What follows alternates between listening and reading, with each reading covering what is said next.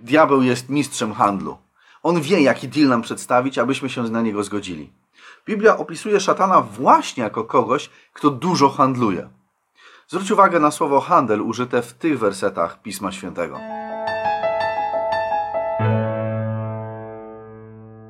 Przez twój ogromny handel pełno pośród ciebie bezprawia i zgrzeszyłeś. Dlatego zrzucę cię z góry Boga, cherubinie nakrywający, wyniszczę cię spośród kamieni ognistych. Uniosło się twoje serce z powodu twojej piękności, znieważyłeś swoją mądrość z powodu twojego blasku. Rzucę cię na ziemię i postawię cię przed królami, aby się tobie przypatrzyli. Mnóstwem twoich nieprawości i nieprawością twego handlu splugawiłeś swoją świątynię. Dlatego wywiodę ogień z twego wnętrza, który cię pożre, a zamienię cię w popiół na ziemi na oczach wszystkich, którzy na ciebie patrzą. Dzisiaj chciałbym się przyjrzeć jednej takiej sytuacji, która jest opisana w Biblii, gdzie właśnie widzimy takie targowanie się y, diabelskie. Spróbujmy wyciągnąć z tej historii jakieś lekcje dla nas na dzisiaj. Dlatego teraz proszę, daj zastaw memu panu królowi Asyrii, a dam ci dwa tysiące koni, jeśli zdołasz posadzić na nich jeźdźców. Słowa daj zastaw w Biblii interlinearnej mogą być tłumaczone jako targuj się, targuj się ze mną. Rabszach po groźbach próbuje przekupić króla Ezechiasza. Diabeł robi dokładnie tak samo za każdym razem, gdy my się opieramy.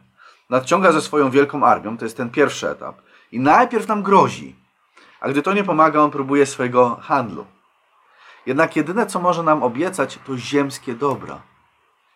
Na to wszystko te obietnice są bez pokrycia, bo przecież nie ma pewności, na przykład w tej, w tej historii naszej, że Hiskiarz dostałby te konie, gdyby przystał na taką ugodę.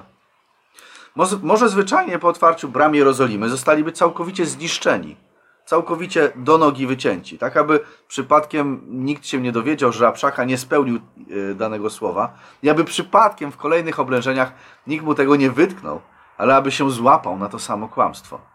Co mogło tak być?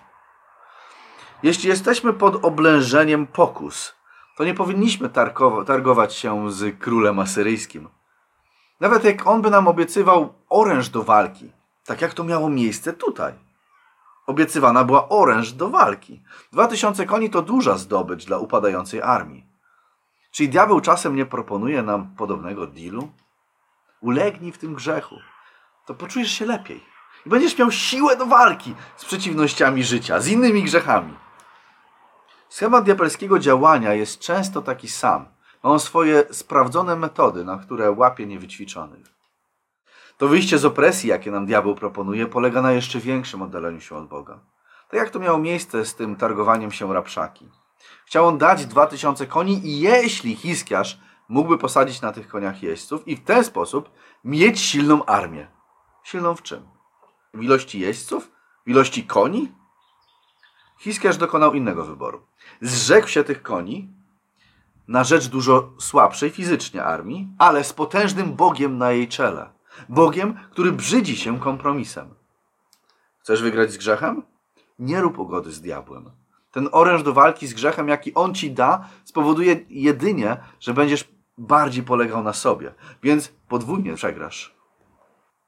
Raz, otwierając bramy swojej twierdzy dla mocy piekielnych, a dwa, przyjmując dar od arcyzwodziciela. Dar, który dany jest jedynie po to, aby odwrócić Twój wzrok od Wszechmocnego. Na dzisiaj to tyle. Subskrybuj i daj łapkę w górę. Śledź nas na Odyssey, BitChute, Telegramie i Facebooku. Cześć!